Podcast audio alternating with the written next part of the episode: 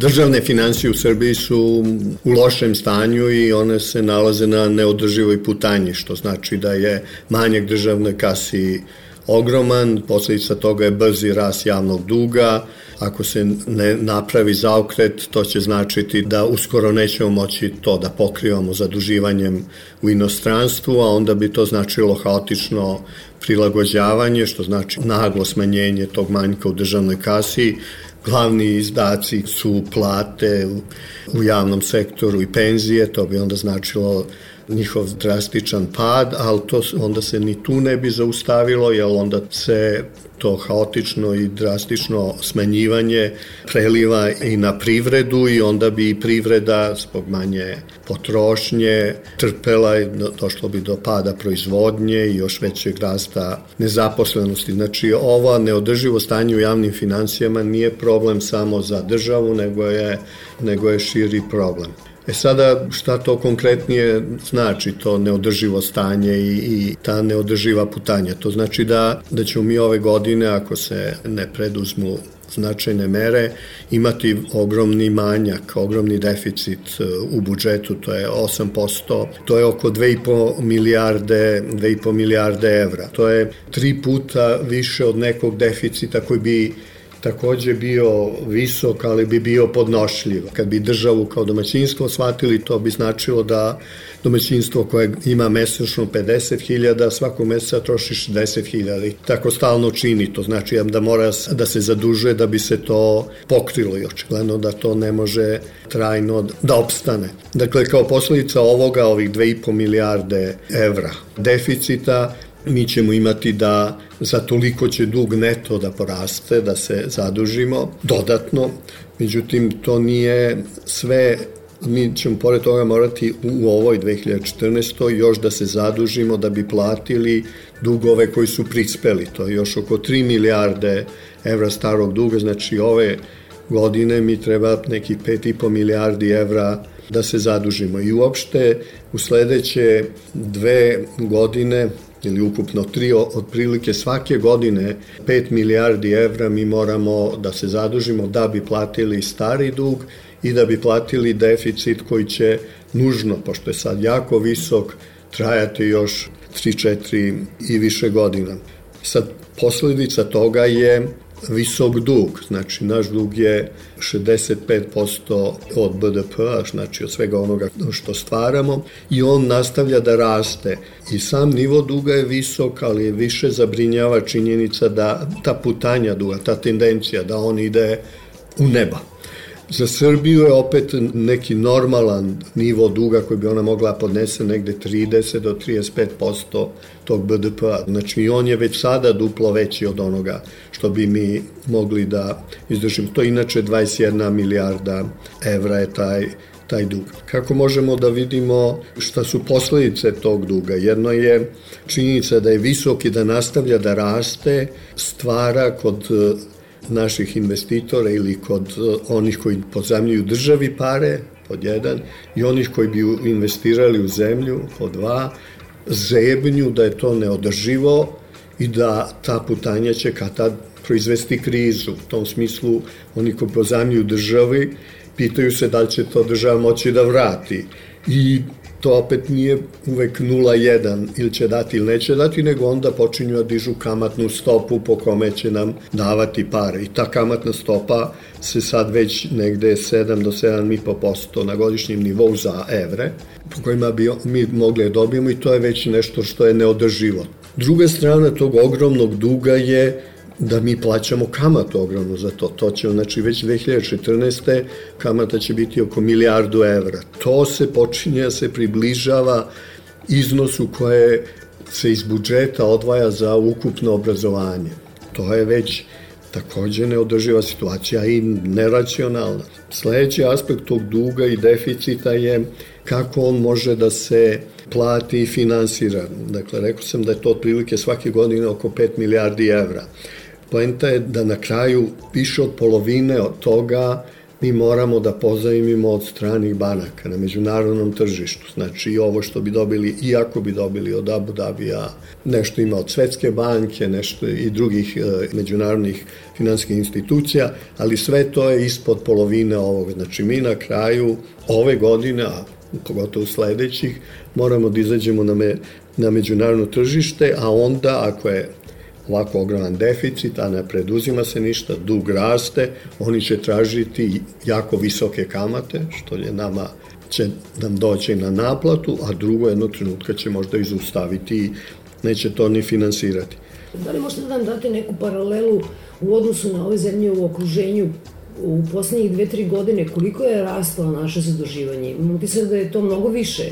Da, da, to je baš dobro pitanje, jer upravo jedna od, od stvari o kojima se različne jeste u kojoj meri je uzrok ovakvom našem stanju kriza, koja je 2008. Jel, izbila u svetu, a nažito u Evropi, svakako jeste doprinela tome, ali, deo, ali odgovor na to može bude upravo komparativan. I ono što se vidi, da iako je kriza na, pogodila nas i ostale zemlje u okruženju, gde govorim o Rumuniji, Bugarskoj, Mađarskoj i Hrvatskoj, ali isto tako Bosni, Crnoj Gori, Makedoniji, Albaniji, znači njihov prosek kad bi uzeo, naš dug je duplo brže, dvostruko više porast od 2008. do 2013. u odnosu na prosek svih ovih okolnih zemalja. To je prva stvar. Druga stvar koja je kod nas različita u lošem smislu u odnosu na okruženje jeste da kad je udarila kriza, mi smo imali taj deficit otprilike kao i zemlje u okruženju, čak negde na proseku, možda neki su imali više od nas, neki možda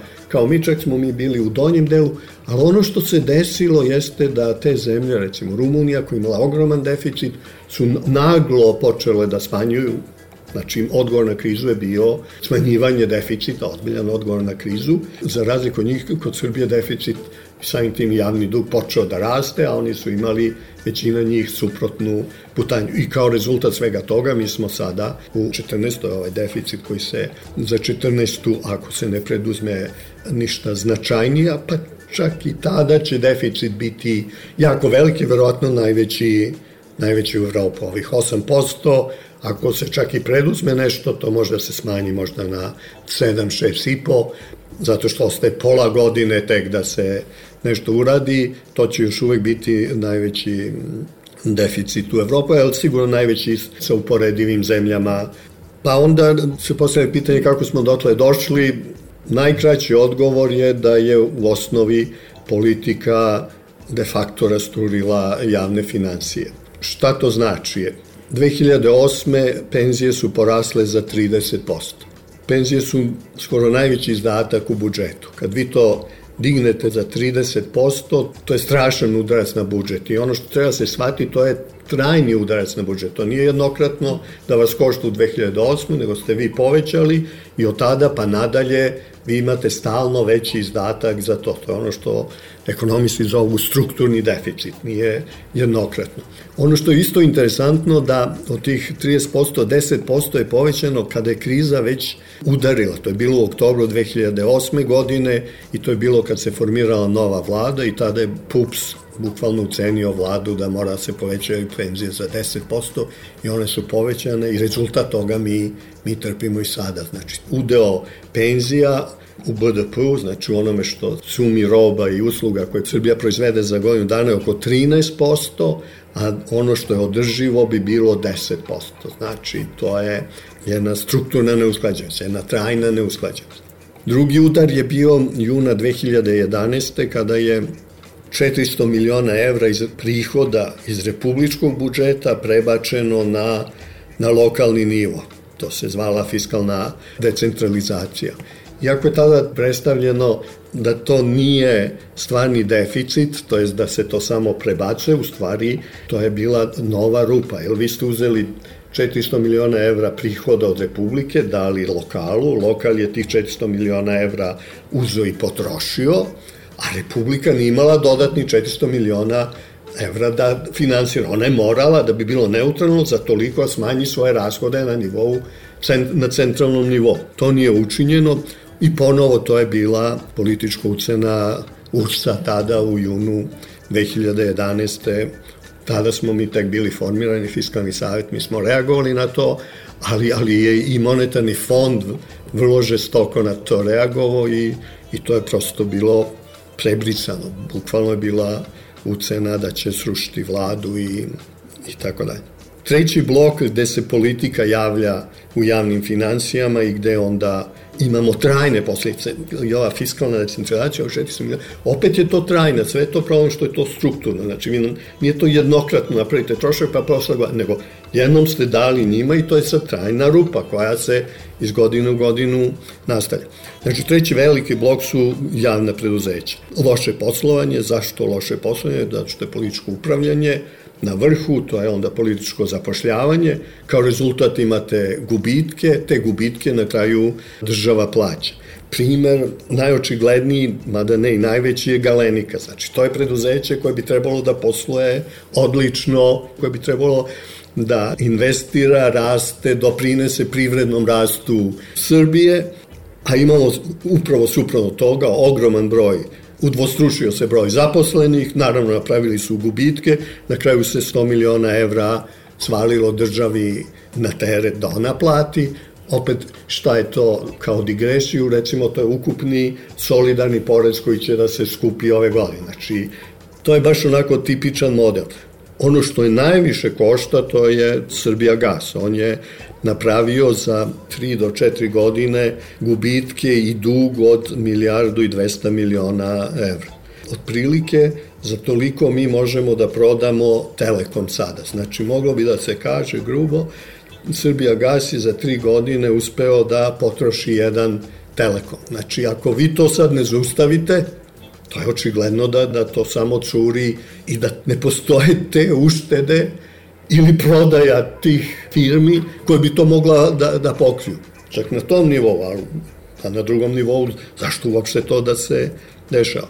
Ali onda to se provlači na druga, druga javna preduzeća, državna ili javna. Znači, Telekom ima profit, ali odgubi učešće, on postaje sve lošiji, znači, opet, očigledno zašto, a zašto privatna rastu, prema tome, jasno je da se loše upravlja time, da to srlja sve niže i niže i da Odgovor na to je, to treba privatizovati. Očigledno nemoguće je ga zadržati u državnom, a da bude uspešno. Slično je i Dunav osiguranje, to je isto državno vlasništvo, nema razloga da to ne bude privatno i da bude uspešno, sada on takođe gubi učešće, zaposlenost raste i na kraju možda se desi da opet dođe na tere države kao što su došle ove banke. Znači, tu su i druga preduzeća koja bi vjerojatno ostala državna, ali koja bi morala da budu efikasnije. EPS je skoro pola javnog sektora.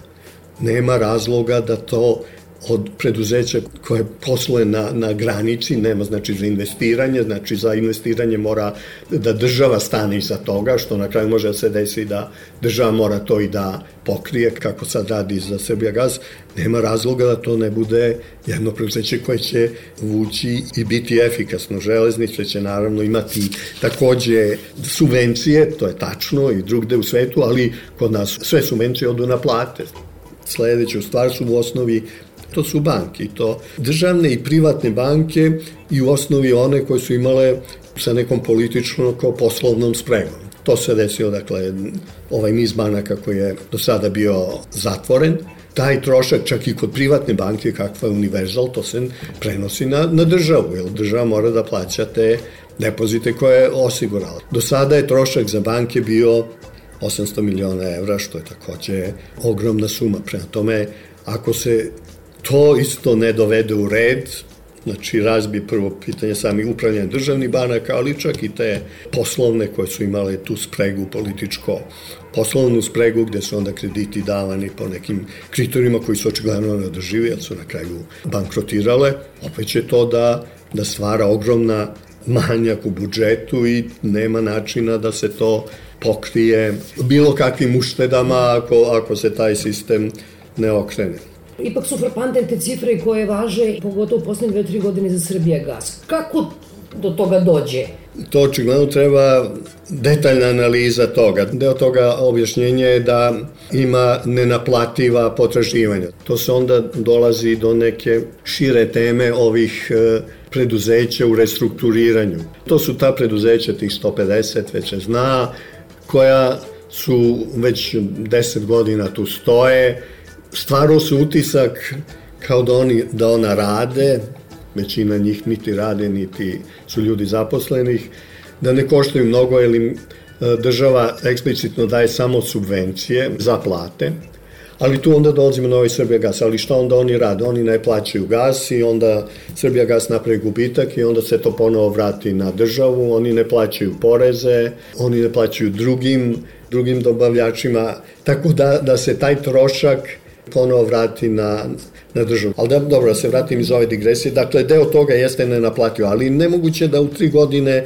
odjednom se 1,2 milijarde i da je kriza i da oni sad ne mogu da plate, prosto tu treba videti, to je očigledno zahteva detaljnu, detaljnu analizu od dobro, naplativosti s jedne strane, cene koja izgleda sada prodajna koja je u redu, ali onda i celo funkcionisanje tog Srbija gasa, da se vidi tačno šta je i najzad pod kojim uslovima mi taj gaz plaćamo Rusiju. Znači, ceo, očigledno je da je to veličina problema tako velika da tu stvarno duboko mora da se zaore.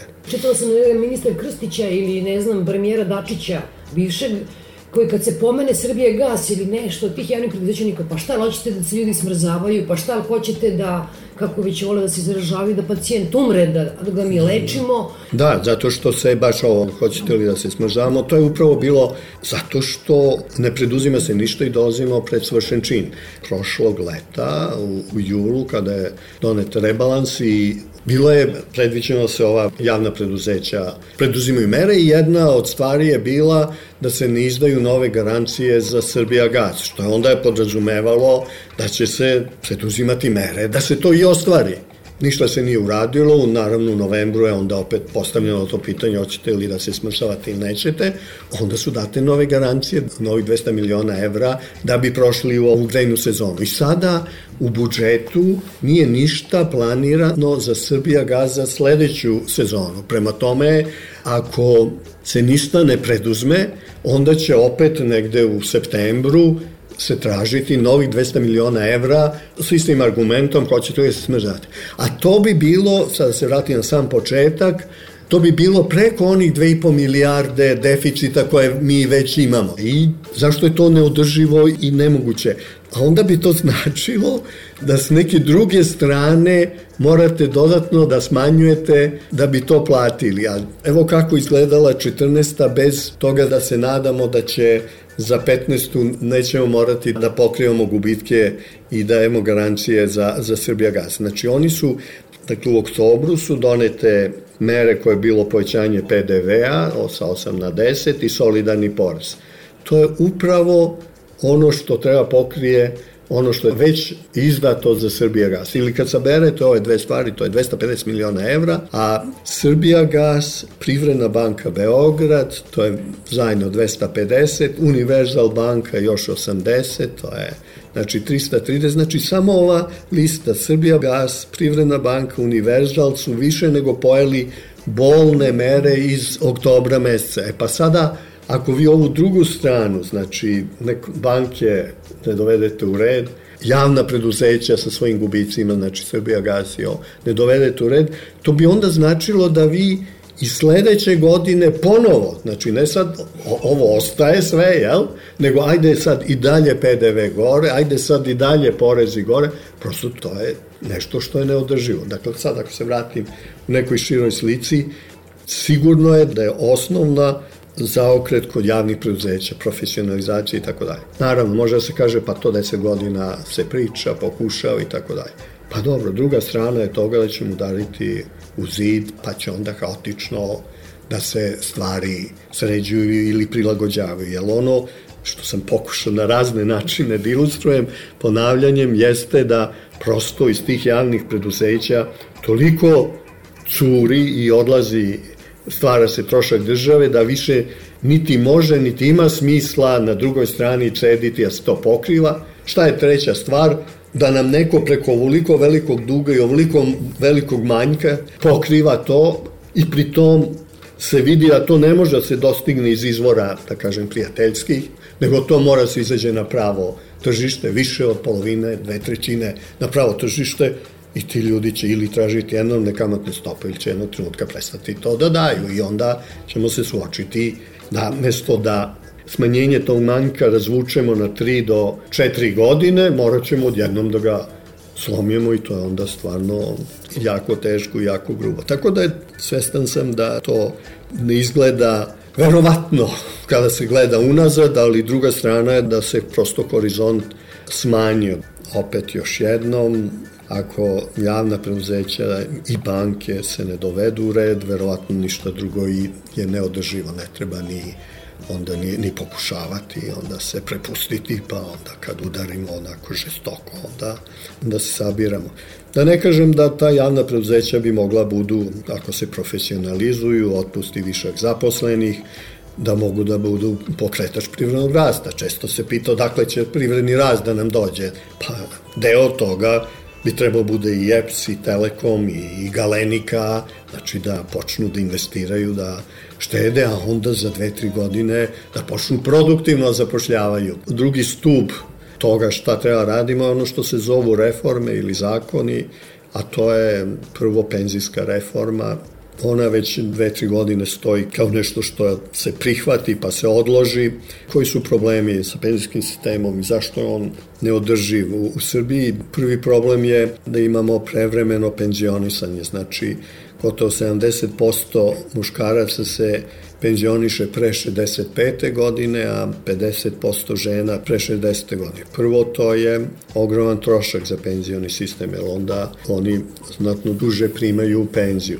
Drugo, to nije ni pravično, jer u osnovi penzijski sistem je tako postavljen da bi približno svi isti broj prosječan godina trebali da primaju tu penziju I u, u osnovi praksa evropska je da se to na neki način izjednače, oni koji odu ranije, pre vremena u odnosu na ostala, zato što će oni duže primaju za razliku od ovih koji kasnije odu i onda to znači da bi oni trebali manje da primaju, to su takozvani penali za ranije penzionisanje i to je praksa u Nemačkoj, Mađarskoj, Hrvatskoj, Crnoj Gori, to je uvedeno i to je nešto što bi bio prvi deo te penzijske reforme. Drugi je starosna granica za penzionisanje. Kod nas je to najveća razlika između žena i muškaraca, znači 60 i 65, najčešće je isto 65-65, ali postoji rešenje kao Bugarska, Rumunija 63-65 i to je element koji bi morao da se uvede, naravno to ide postepeno, ne ide odjednom, svakih šest meseci se pomeri. Nije isključeno da neki dodatni računi pokažu da obe granice možda treba i dalje povećavati, ali to je nešto što je jasno što treba se uradi. I e sad ono što je verovatno ste čuli kao primjedbu ili kao pitanje na to je kako u zemlji koja ima takvu stopu nezaposlenosti i to pogotovo među mlađim ljudima, još produžavati radni vek. E, da, ali ono što se izgleda prvi je zato što prosto neodrživo je ovaj sistem. Već zbog toga moramo, bez obzira ako bi imali ovaj negativan efekt. Ali drugo je nisključeno da u stvari dobar deo koji ode ranije u penziju nastavi da radi na razne druge načine, po ugovoru, čak i neformalno i tako dalje. Tako da nije tačno baš sa svim da oni oslobode radna mesta gde bi mladi došli. Govorim naravno prvenstveno o, o privatnom sektoru. Zato što u javnom sektoru, u državnom, gde bi oni otišli pa možda oslobodili glavno mesto, postoji višak zaposleno. Tako da je već sada uvedeno da se skoro mali broj ljudi zameni od onih koji su otišli u penziju u državnoj upravi i tom javnom sektoru. Tako da Ne mislim da je to dobitak neki sa te strane za mlade. Mi imamo 13%, znači iznad neodrživo učešće penzija u, BDP-u, a da recimo Bugarska ima znatno manje učešće nekih održivih 10% i znatno manju stopu nezaposlenosti. I, I u sve to, treća stvar, da oni imaju prosječne penzije od 150 evra, da su ovde negde oko to je 25-6 hiljada, oko 200 evra, 210 evra. Znači mi imamo, i to je, najveći deo toga je onih 30% u 2008. koje je direktno politički udareno. Mi smo izleteli u, u bukvalno neodrživ sistem. Naravno, jasno je da su penzije male i plate su male, ali malo i, i pravimo. Neke stvari su luksuz da se, dotle smo sa tim deficitima došli da prosto nekim stvarima kao opciju ne možemo ni da razgovaramo.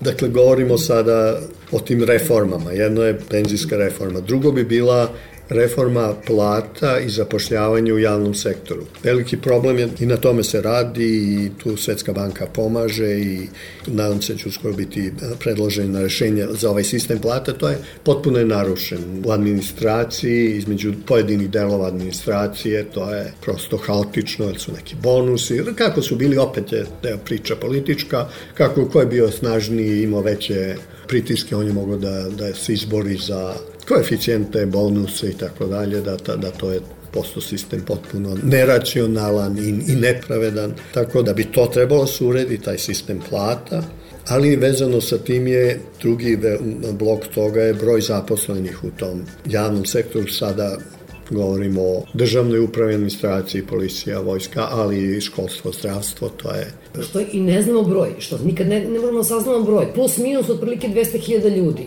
Da, da deo toga jeste, eto, i to je vezano za plate i za budžet. Ono što se iz godine u godinu dešava, to je da je izdvajanje za plate, a to je velika stavka, veće 2-3% više nego što bi indeksacija i račun pokazivo. Znači vi kažete po zakonu ove godine platit će porastu, ne znam, 1%, je li tako?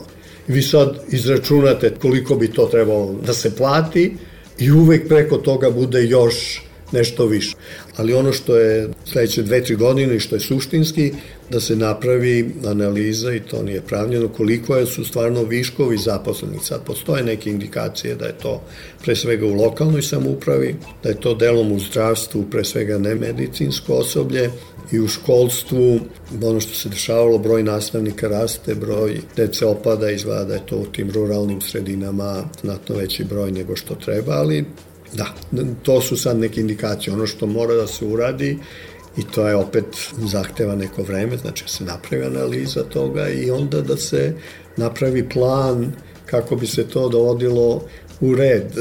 Zato što prethodna iskustva su uvek bila ajde problem je naraslo je, ajmo sad reži, pa onda ne znam 10%, a rezultat tih kratkoročnih akcija uvek je bio više negativan nego pozitivan. Najbolji ljudi vam odu koji mogu da nađu na mesto na drugom mestu, da se zaposle, te otpremnine, ovi koji ne vrede baš toliko ostanu, onda na kraju vidite ne možete s njima radite, onda dođe novi izbor i novi talas partijskog zapošljavanja i tako da. To nije pravo rešenje.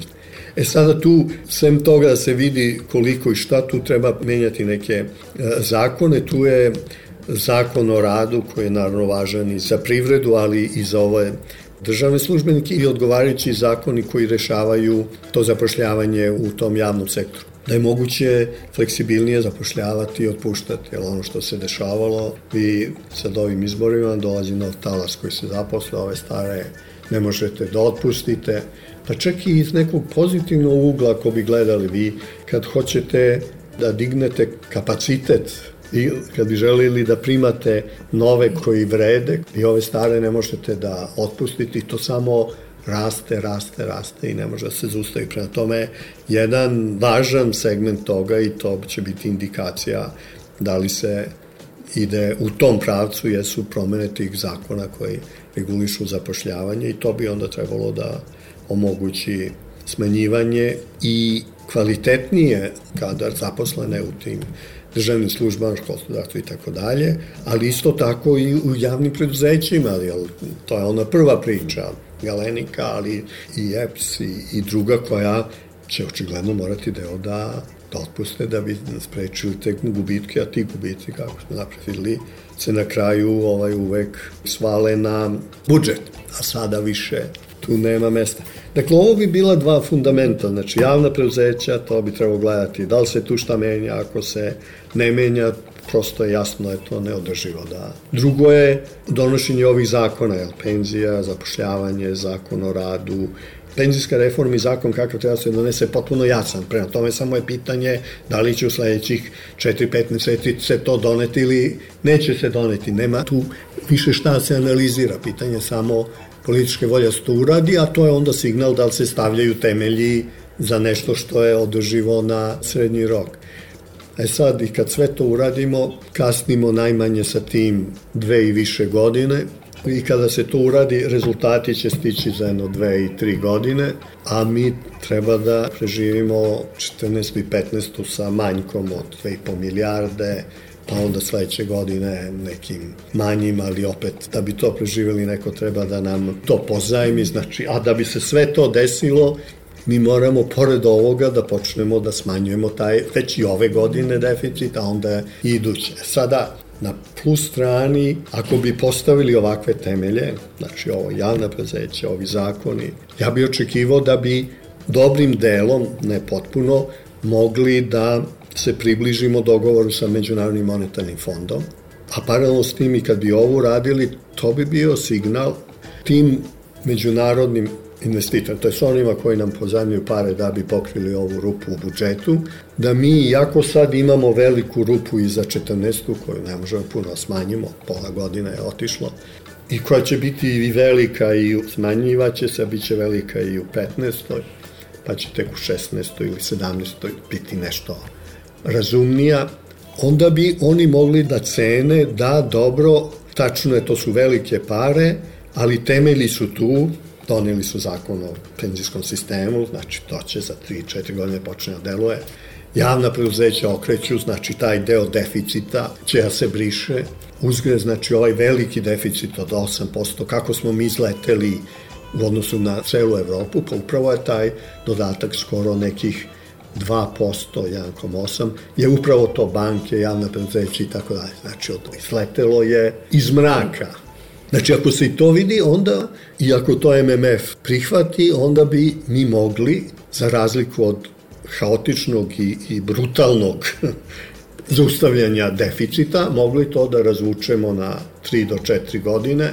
To bi još uvek značilo da ćemo imati deficit, To značilo da bi dug i dalje rasto, da bi čak rast u odnosu na BDP, što je ono što je alarmantno, ali bi se pokazalo da ako se sve ovo napravi, da bi možda u 16. ili 17. taj rast duga u odnosu na bruto domaći proizvod se zaustavio i posle toga počeo da pada. A da bi počeo da pada, to znači danas gledajte šta ćete s javnim preduzećima i bankama. Danas gledajte šta ćete sa penzijama, sa brojem zaposlenih u državnim službama i sa platama u tom državnom sektoru. Izvinite, kad kažete Kaži. danas, u stvari to je, praktično više nije metafora. To znači da, danas, danas da, je da, već da, to pola znači, godine potrošili. Da. To znači sa prvim rebalansom budžeta, ako to se vlada formira do kraja aprila, početkom maja, da rebalans budžeta bude u junu mesecu i da uz taj rebalans budžeta koji bi se tirao kratak rok, šta ćemo u 14. i da se postavljaju temelji, to znači da se donese penzijski zakon, da se donesu ovi zakoni vezani za zapošljavanje u, u javnom sektoru i, i zakon o radu.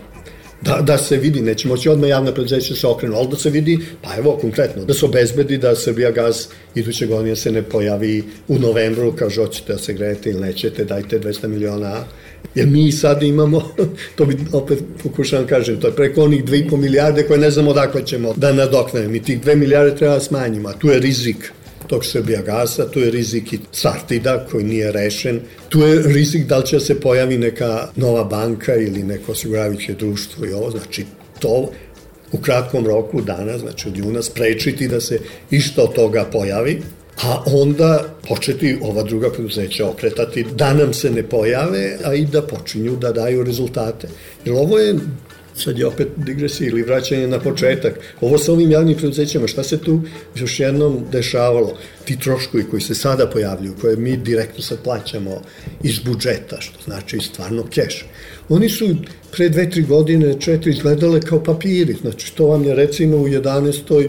država treba da garanciju Srbija gasu, ona država to da, vlada nema da, nema problema, to je pače papira, jel, oni na toga se zaduže i tako to traje. I sad odjednom se to 13. pojavilo kao prave pare. I sada što je najgore, to se pojavlja 13. 14. a bit će 15. i 16. i to sve ono što je dato 11. i, i ranije. Znači, ne ništa novo sad, mi sad to treba da plaćamo. Prema tome kad govorimo o tom delu deficita koji ide na javna preduzeća i koji išao na banke, to je sve ono što je ranije dato. To sve podrazumeva da mi nećemo dodatno dati bilo Srbija gasu, bilo možda se desi EPS-u, bilo nekom drugom, jer bi onda to sve dizalo iznad toga. I zato je to, ne znam koji put, stvarno to pitanje javnih preduzeća presudno, jer to onda neće moći ništa drugo da se uradi. E sada ono što sam rekao da najmanje dve, tri godine kasnimo i dve, tri godine treba nam period za to, to je da onda će i pored svega toga morati ipak taj deficit da se smanjuje. Znači, opet su tu najveće stavke plate u državnom sektoru i penzije i verovatno će račun pokazati da će neko njihovo smanjenje biti neophodno da bi se ovo držalo. Ali sad opet da se vratim na početak ili u široj slici, besmisleno bi bilo to uraditi, smanjiti plati i penzije, a ne napraviti ništa napred. Jer onda vi stvarno prvo neodrživo je. Vi ne možete na kraju na nulu da svedete plati penzije da bi isplatili gubitke koji se ovde stvaraju. Niti imate više šta da prodate da bi to. I kad prodate, to vam je već jednokratno. Prema tome, ova poslednja mera stvarno ima smisla ako se vratimo opet na početak da da se ove osnovne fundamentalne stvari prvo tretiraju. Inače to isto opet ilustrativno je šta se do sada dešavalo. Recimo, Prvi pokušaj konsolidacije bio oktobra 12. godine. Tada je, su zamrznute plate i penzije, znači povećan je PDV sa 18 na 20, povećan je porez na dobit, ali nije ceo ovaj drugi blok, penzijska reforma, I onda vam se to vratilo. Znači, vi ste već jednom otrpeli bol ili žrtvovanje, znači digli poreze, kontrolisali plate i penzije su pale, jer su bile zamrznute, jel? inflacija je pojela deo toga, I šta posle toga, pošto niste ovaj treći blok, fundamente uređivali, vi ste se vratili listu. Slična je stvar u oktobru 2013. na nekom manjem nivou. Opet je se pokušalo, i tada je rečeno, evo bolne mere, evo solidarni porez, evo PDV. Kad to pogledate, odjednom je to, kao što sam rekao, to je zajedno bilo 250 miliona evra, a Srbija gas, Privredna banka, Universal banka je 330 miliona evra. Samo su to obrisali. I šta se uradilo? Nekoliko puta ste vi doveli stanovništvo u priliku da štedi, ali to je otletilo na drugu stranu. Sada, s jedne strane, da bi se taj manjak u državi smanjio, najveći izdaci su na kratak rok, to se zna, plati penzije. Ali ova dva primjera pokazuju bolje nemojte to da radite, ako ovo nećete napred, ovo sa javnim preduzećima i ovo, onda ćemo sigurno udariti u zid, pa onda prosto nema smisla, nije ni, pravično, a nije ni održivo i racionalno da vi to režete i da, čak i možda i loše, jel, kupite 5-6 meseci, 9 meseci i onda se ponovo vratite na isto, a nadate se da možete možda tako da se... I u tom kontekstu je verovatno ovaj ugovor sa MMF-om veoma važan zato što mi smo izgubili kredibilnost međunarodnu, jel, stalno nam ide deficit sve veći, dug sve veći, prema tome čak i kada bi stvarno želeli i počeli, oni koji daju pare više to ne veruju. A s druge strane, ako stvarno želimo i napravimo zaokret, pa to je otprilike što i Monetarni fond i Svetska banka očekuju. Prema tome, ako stvarno želimo to da uradimo i shvatili smo da to treba da se radi, onda bi taj dogovor sa fondom i podrška Svetske banke bila uz to, a onda bi to onda značilo da bi nam kupilo ili omogućilo da to ipak na neki uređeni način izađemo iz ove potpuno neodržive situacije, znači da to razvučemo na tri do četiri godine i dalje će to biti zatezanje i bolno, ali to je ozdravljenje. Alternativa je da se udari u zid i da se to haotično prilagođava. Kad ste rekli to haotično prilagođavanje, Opišite nam da. Pa dobro, to znači, dakle, evo šta, mi imamo, dakle, sada ove godine 2,5 milijarde novog deficita, a treba za stari dug da platimo 5,5 milijarde. Znači, ako mi odjednom više ne možemo to da pozajmimo, to onda znači da ćemo prestajati to da platimo, znači neke dugove strancima uopšte nećemo da plaćamo, ali mi još uvek, ako to ne plaćamo, i to će da nas košta u budućnosti, jel? Zapamtit će nam kad nam budu davali sledeći put pare, ili će nas sačekati kad se povratimo pa sve to naplatiti na neki način, ali govorimo sad neposredno, mi čak i ako prestanemo to da plaćamo njima, ostaje nam da je 2,5 milijarde manjka koje imamo, a to je to zašto za plate, penzije, funkcionisanje države i tako dalje. Znači, mi ćemo odjednom morati to da sasečemo. Ili ćemo dobiti od nekog pare, a nećemo, onda to znači bukvalno, to je skoro 15, 16, 17% budžetskih rashoda morate da smanjite. Koje su najveće stavke? Plate, penzije, nekom funkcionisanju države. Umesto to da postepeno smanjujete ovo, morat ćete da smanjite odjednom, onda će to da se prevali na privredu, jer će naglo se smanjiti potrošnja, privreda će prestati da funkcioniše, pa dobro, to je ovo kriza javnog duga, to znači pad proizvod, mi smo sada, sad osjećamo da smo u krizi zato što smo negde oko nula. BDP de facto ne raste, nezaposlenost je velika i konstantna, a ovo bi značilo bilo dodatni pad dole. Sad kako bi bio taj mehanizam ili bi opet država smanjila odmah ili bi potpuno se istrgla kontroli, što znači da se smanjuje kroz inflaciju, kroz veliki rast kursa i da vam kroz inflaciju pojede i plate i penzije i sve to da se nasilno, brzo potrošnja smanji u okvir koji vi možete da platite. A ta kriza naravno se širi i na privredu, je tako? Prvo što iz državnog sektora manja potrošnja, ali onda i ovaj i to što je išlo da se s polja pozajmljuje našim domaćim privatnim firmama ili investiranje, takođe bi stalo, jer bi oni znaju da su i one u krizi.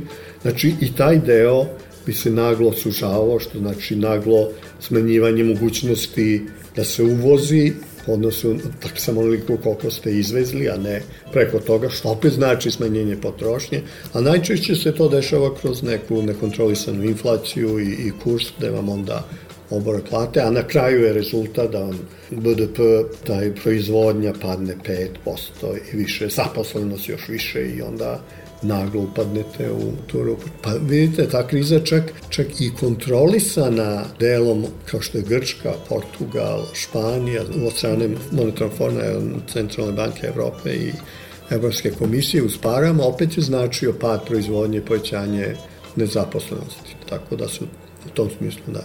Govorimo o drami već, to je već drama. Pa jeste, jeste, tačno.